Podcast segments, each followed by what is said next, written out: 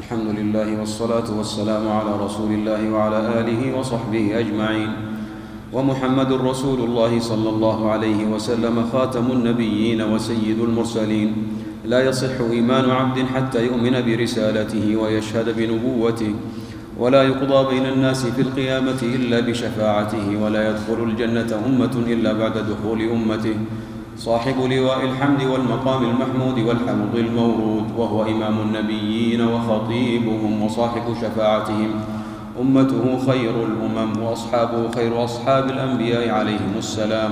وأفضل أمته أبو بكر الصديق ثم عمر الفاروق ثم عثمان ذو النورين ثم علي المرتضى رضي الله عنهم أجمعين. لما روى عبد الله بن عمر رضي الله عنهما قال كنا نقول والنبي صلى الله عليه وسلم حي. أفضل هذه الأمة بعد نبيها أبو بكر ثم عمر ثم عثمان ثم علي فيبلغ ذلك النبي صلى الله عليه وسلم فلا ينكره. وصحت الرواية عن علي رضي الله عنه أنه قال خير هذه الأمة بعد نبيها أبو بكر ثم عمر. ولو شئت لسميت الثالث. وروى أبو الدرداء عن النبي صلى الله عليه وسلم أنه قال ما طلعت الشمس ولا غربت بعد النبيين والمرسلين على أفضل من أبي بكر وهو أحق خلق الله بالخلافة بعد النبي صلى الله عليه وسلم لفضله وسابقته وتقديم النبي صلى الله عليه وسلم له في الصلاة على جميع الصحابة رضي الله عنه وإجماع الصحابة على تقديمه ومبايعته ولم يكن الله ليجمعهم على ضلاله ثم من بعده عمر رضي الله عنه لفضله وعهد أبي بكر إليه ثم عثمان رضي الله عنه لتقديم أهل الشورى له ثم علي رضي الله عنه لفضله وإجماع أهل عصره عليه. وهؤلاء الخلفاء الراشدون المهديون الذي قال رسول الله صلى الله عليه وسلم فيهم عليكم بسنتي وسنة الخلفاء الراشدين المهديين من بعد عضوا عليها بالنواجذ وقال صلى الله عليه وسلم الخلافة من بعد ثلاثون سنة فكان آخرها خلافة علي رضي الله عنه. ونشهد للعشرة بالجنة كما شهد لهم النبي صلى الله عليه وسلم فقال أبو بكر في الجنة وعمر في الجنة وعثمان في الجنة وعلي في الجنة وطلحة في الجنة والزبير في الجنة وسعد في الجنة وسعيد في الجنة وعبد الرحمن بن وعبد الرحمن بن عوف في الجنة وأبو عبيدة بن الجراح في الجنة وكل من شهد له النبي صلى الله عليه وسلم بالجنة شهدنا له بها كقوله الحسن والحسين سيدا شباب أهل الجنة وقوله لثابت بن قيس إنه من أهل الجنة ولا نجزم لأحد من أهل بارك. بسم الله الرحمن الرحيم. الحمد لله رب العالمين. وصلى الله وسلم وبارك على نبينا محمد وعلى آله وأصحابه أجمعين. أما بعد فهذا الدرس في حقوق النبي عليه الصلاة والسلام وحقوق أصحابه عليه الصلاة والسلام. فمحمد رسول الله عليه الصلاة والسلام هو خاتم النبيين وسيد المرسلين عليه الصلاة والسلام. فيجب على العبد المسلم أن يعتقد أن محمد بن عبد الله عليه الصلاة والسلام هو رسول الله حقا أرسله الله تعالى للجن والإنس بشيرا ونذيرا لا نبي بعده عليه الصلاة والسلام فهو خاتم النبيين وسيد المرسلين صلوات الله وسلامه عليه. ولا يصح إيمان عبد حتى يؤمن برسالته ويشهد بنبوته. ولهذا ثبت عنه عليه الصلاة والسلام أنه قال والذي نفسي بيده لا يسمع بي أحد من هذه الأمة يهودي ولا نصراني ثم لم يؤمن بالذي جئت به ثم يموت ولم يؤمن بالذي جئت به إلا دخل النار أو كما قال النبي صلوات الله وسلامه عليه. فلا بد من الشهادة له عليه الصلاة والسلام بذلك وتصديقه عليه الصلاة والسلام فيما أخبر به والقيام بما أوجب الله تعالى في حقه. فمن حقوقه عليه الصلاة والسلام على المؤمن أن يؤمن برسالته وأنها عامة لجميع الثقلين الجن والإنس ويصدقه فيما أخبر عليه الصلاة والسلام.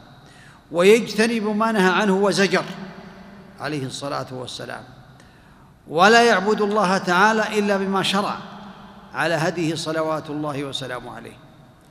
ولا يقضى بين الناس في يوم القيامة إلا بشفاعته عليه الصلاة والسلام.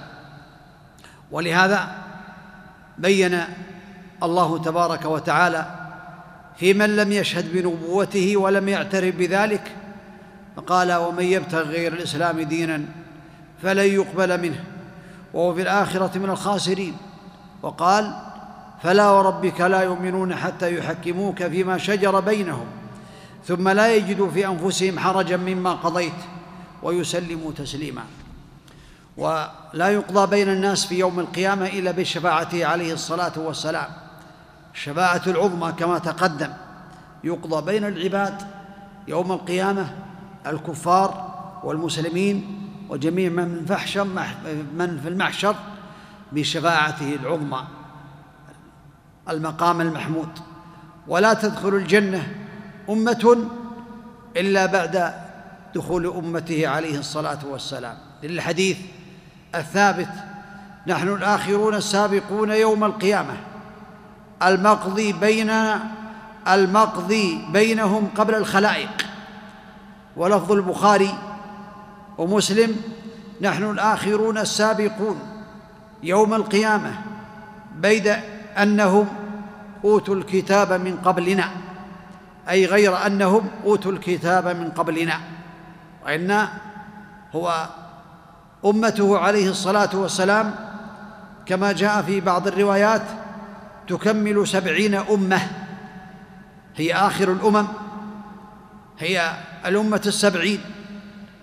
ومع ذلك يدخل الجنة قبل هذه الأمم بفضل الله تعالى ثم بفضل النبي صلوات الله وسلامه عليه الذي جعله عليه الصلاة سبحانه وتعالى سيد الأولين والآخرين عليه الصلاة والسلام.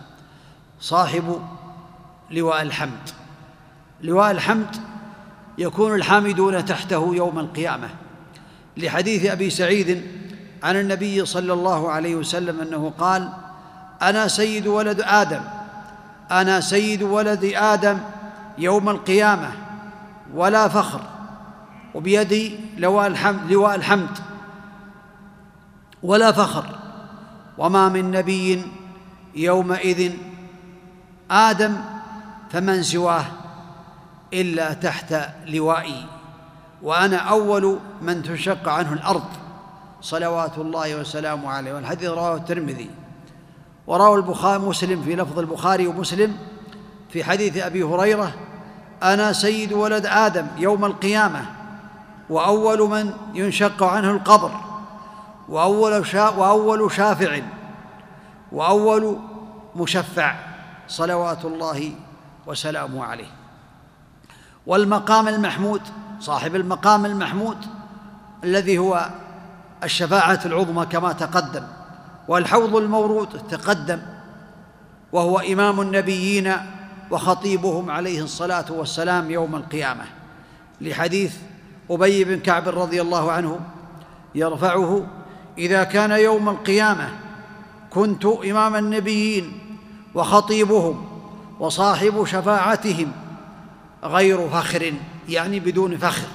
عليه الصلاة والسلام رواه الإمام أحمد الترمذي وحسنه الألباني رحمه الله تعالى. وصاحب شفاعتهم كما جاء في الحديث. أمته خير الأمم.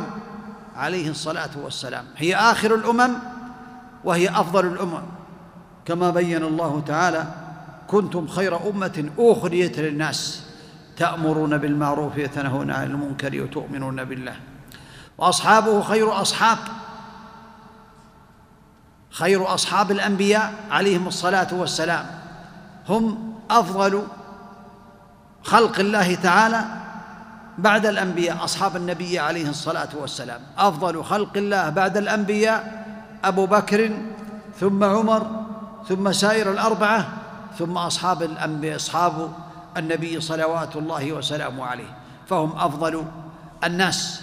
وأفضل أمته أبو بكر رضي الله عنه الصديق رضي الله عنه هو أفضل الأمة لأن النبي عليه الصلاة والسلام بين فضله حينما سئل من أحب الناس إليك؟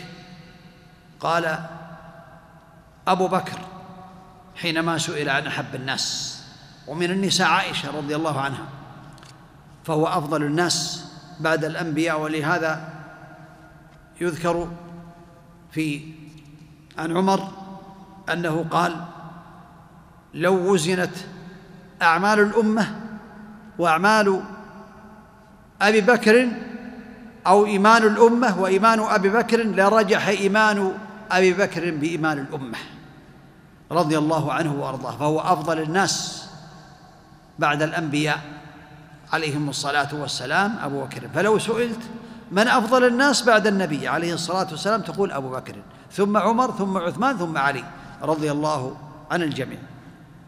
ثم عمر الفاروق رضي الله عنه ثم عثمان ذو النورين ثم علي المرتضى رضي الله عن الجميع. هكذا ترتيب أهل السنة رضي الله عنهم لهؤلاء الأربعة قبل الصحابة. لما روى عبد الله بن عمر رضي الله عنهما قال كنا نقول والنبي صلى الله عليه وسلم حي أبو بكر ثم عمر ثم عثمان ثم علي. فيبلغ ذلك النبي صلى الله عليه وسلم فلا ينكره. وفي الحديث البخاري كنا لا نعدل في زمن النبي عليه الصلاة والسلام. كنا في زمن النبي صلوات الله وسلامه عليه لا نعدل بأبي بكر أحدا. ثم عمر ثم عثمان ثم نترك أصحاب النبي صلى الله عليه وسلم لا نفاضل بينهم. وهذا زيادة المؤلف رحمه الله تعالى ثم علي لم أجدها في حديث وإنما قال في البخاري كنا لا نعدل في زمن النبي صلى الله عليه وسلم بأبي بكر أحد أحدا ثم عمر ثم عثمان. وعلي رضي الله عنه لا شك أنه أفضل الصحابة بعد عثمان رضي الله عنه لكن المقصود أنه لم يرد في الحديث. والصحابة رضي الله عنهم يتفاضلون بينهم فأفضل الصحابة المهاجرين. المهاجرون هم أفضل الصحابة والأربعة الخلفاء هم أفضل المهاجرين. ثم بعد المهاجرين الأنصار. ثم بعد الأنصار أهل بيعة الرضوان الذين بايعوا تحت الشجرة وهم ألف وأربعمائة وقيل ألف وخمسمائة. ولهذا قال النبي عليه الصلاة والسلام لا يدخل الجن لا يدخل النار لا يدخل النار أحد بايع تحت الشجرة. أي في صلح الحديبية وهم ألف وخمسمائة رضي الله عنهم. بعدهم بعد أصحاب بيعة الرضوان أصحاب بيعة الرضوان شجرة مسلمي الفتح الذين أسلموا في فتح مكة بل الذين أسلموا قبل الفتح وهاجروا وأنفقوا والذين بعد ذلك الذين أسلموا عام الفتح فتح مكة. ها هذا هو ترتيب أفضلية الصحابة رضي الله عنهم. أما أفضلهم في العدد فهم كما بين النبي صلوات الله وسلامه عليه. خير هذه الأمة بعد نبيها قال رضي الله عنه علي رضي الله عنه خير هذه الأمة بعد نبيها أبو بكر ثم عمر ولو شئت سميت الثالث. والذي يظهر والله أعلم أنه أراد عثمان. حتى إنه سئل قال أنت؟ قال أنا ما أنا إلا واحد من المسلمين رضي الله عنه وأرضاه. فالذي يظهر أنه يعني بالثالث عثمان رضي الله عنه. وروى أبو الدرداء عن النبي صلى الله عليه وسلم أنه قال ما طلعت الشمس ولا غربت بعد النبيين والمرسلين على أفضل من أبي بكر. وهذا الحديث حتى ولو لم يثبت فإن هذا هو الصحيح أن الشمس لم تطلع على أحد بعد النبيين على أفضل من أبي بكر وهو أحق خلق الله تعالى بالخلافة بعد النبي عليه الصلاة والسلام لفضله وسابقته في الإسلام وتقديم النبي صلوات الله وسلامه عليه له في الصلاة حينما كان في مرض موته قال مروا أبا بكر فليصلي بالناس مروا أبا بكر فليصلي بالناس فمن قدمه رسول الله عليه الصلاة والسلام في الصلاة فهو أحق بالخلافة. ومن قال فيه النبي عليه الصلاة والسلام لو كنت متخذا أحدا خليلا لاتخذت أبا بكر خليلا ولكن صاحبكم خليل الله أي النبي عليه الصلاة والسلام. فهو أفضل الناس وهو أحق الناس بالخلافة بعد النبي عليه الصلاة والسلام. وإجماع الصحابة على تقديمه ومبايعتهم له ولم يكن الله ليجمعهم على ضلاله. ثم من بعده عمر رضي الله عنه هذا أفضل الناس بعد أبي بكر وأحقهم بالخلافة لفضله وعهد أبي بكر إليه. يعني أبو بكر أوصى بأن يكون الخليفة بعده عمر رضي الله عنه فهو لفضله. ولأنه من العشرة. الترتيب الثاني بعد أبي بكر في العشره المشهود لهم بالجنة كما سيأتي إن شاء الله تعالى. وعهد أبي بكر إليه ثم عثمان رضي الله عنه. عثمان وأحق أفضل من غيره بعد عمر ولتقديم أهل الشورى له. أهل الشورى حينما مات عمر رضي الله عنه عهد إلى الناس أن يختار الخليفة ستة أهل الشورى وجعل عبد الله بن عمر معهم ولكنه قال لا يكن منهم يكفي آل عمر واحد أو كما قال رضي الله عنه يعني ما يكون من خليفة وإنما يكون معهم. واهل الشورى كما ذكر العلماء هم علي وعثمان وسعد بن أبي وقاص وطلحة والزبير بن عوام وعوف عبد الرحمن بن عوف رضي الله عنهم أجمعوا على أن عثمان هو أفضل الصحابة وقلدوه الخلافة بعد عمر وأجمع الصحابة على ذلك رضي الله عنهم لأنهم هم الذين استشاروا المهاجرين والأنصار. ولهذا يقال من لم يقل بخلافة عثمان وقال بخلافة غيره فقد أزرى بالمهاجرين والأنصار لأنه إجماع على الخلافة. أما الأفضلية بين الأربعة فكان خلاف بين الصحابة هل يكون علي أفضل أم عثمان؟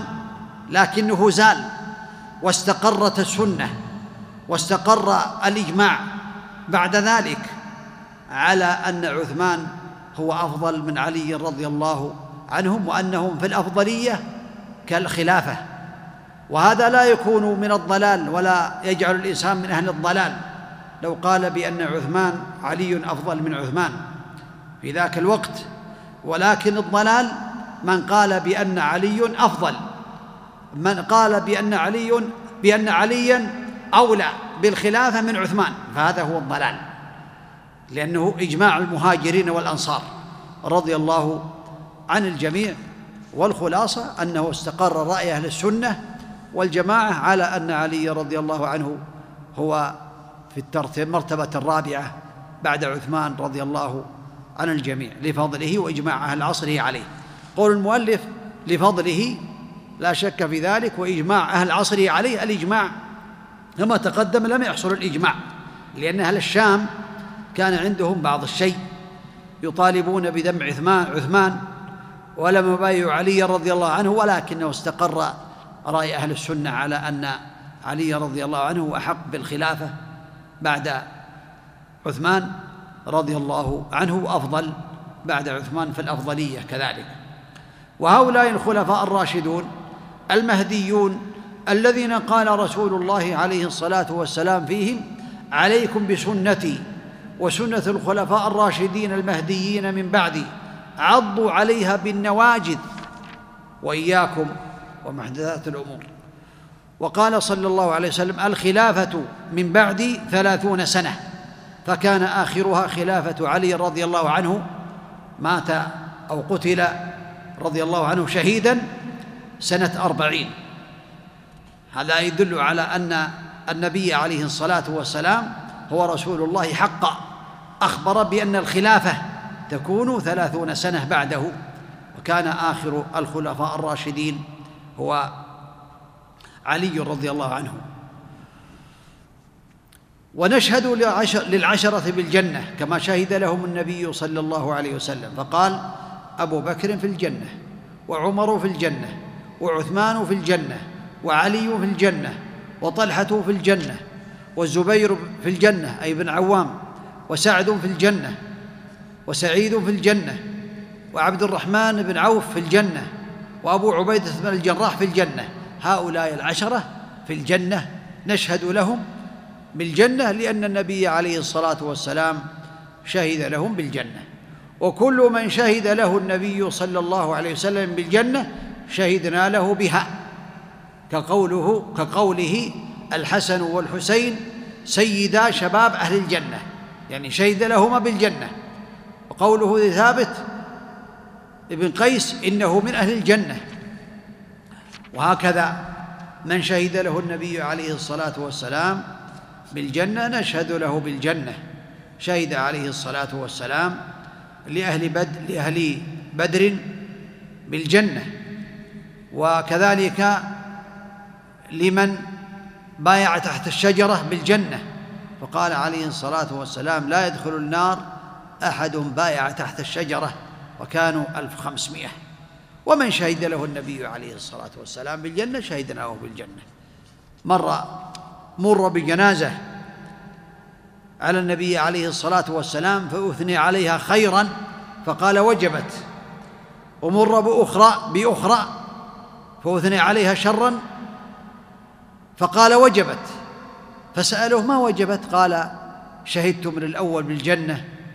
وللثاني بغيرها أو كما قال عليه الصلاة والسلام فهذا وجبت له الجنة وهذا وجبت له النار. أنتم شهداء الله في الأرض شهداء الله في الأرض.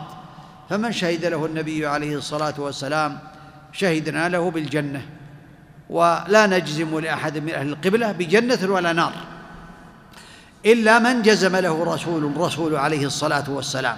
وهذا يأتي إن شاء الله في الدرس القادم. وبالله التوفيق وصلى الله وسلم وبارك على نبينا محمد وعلى آله وأصحابه أجمعين.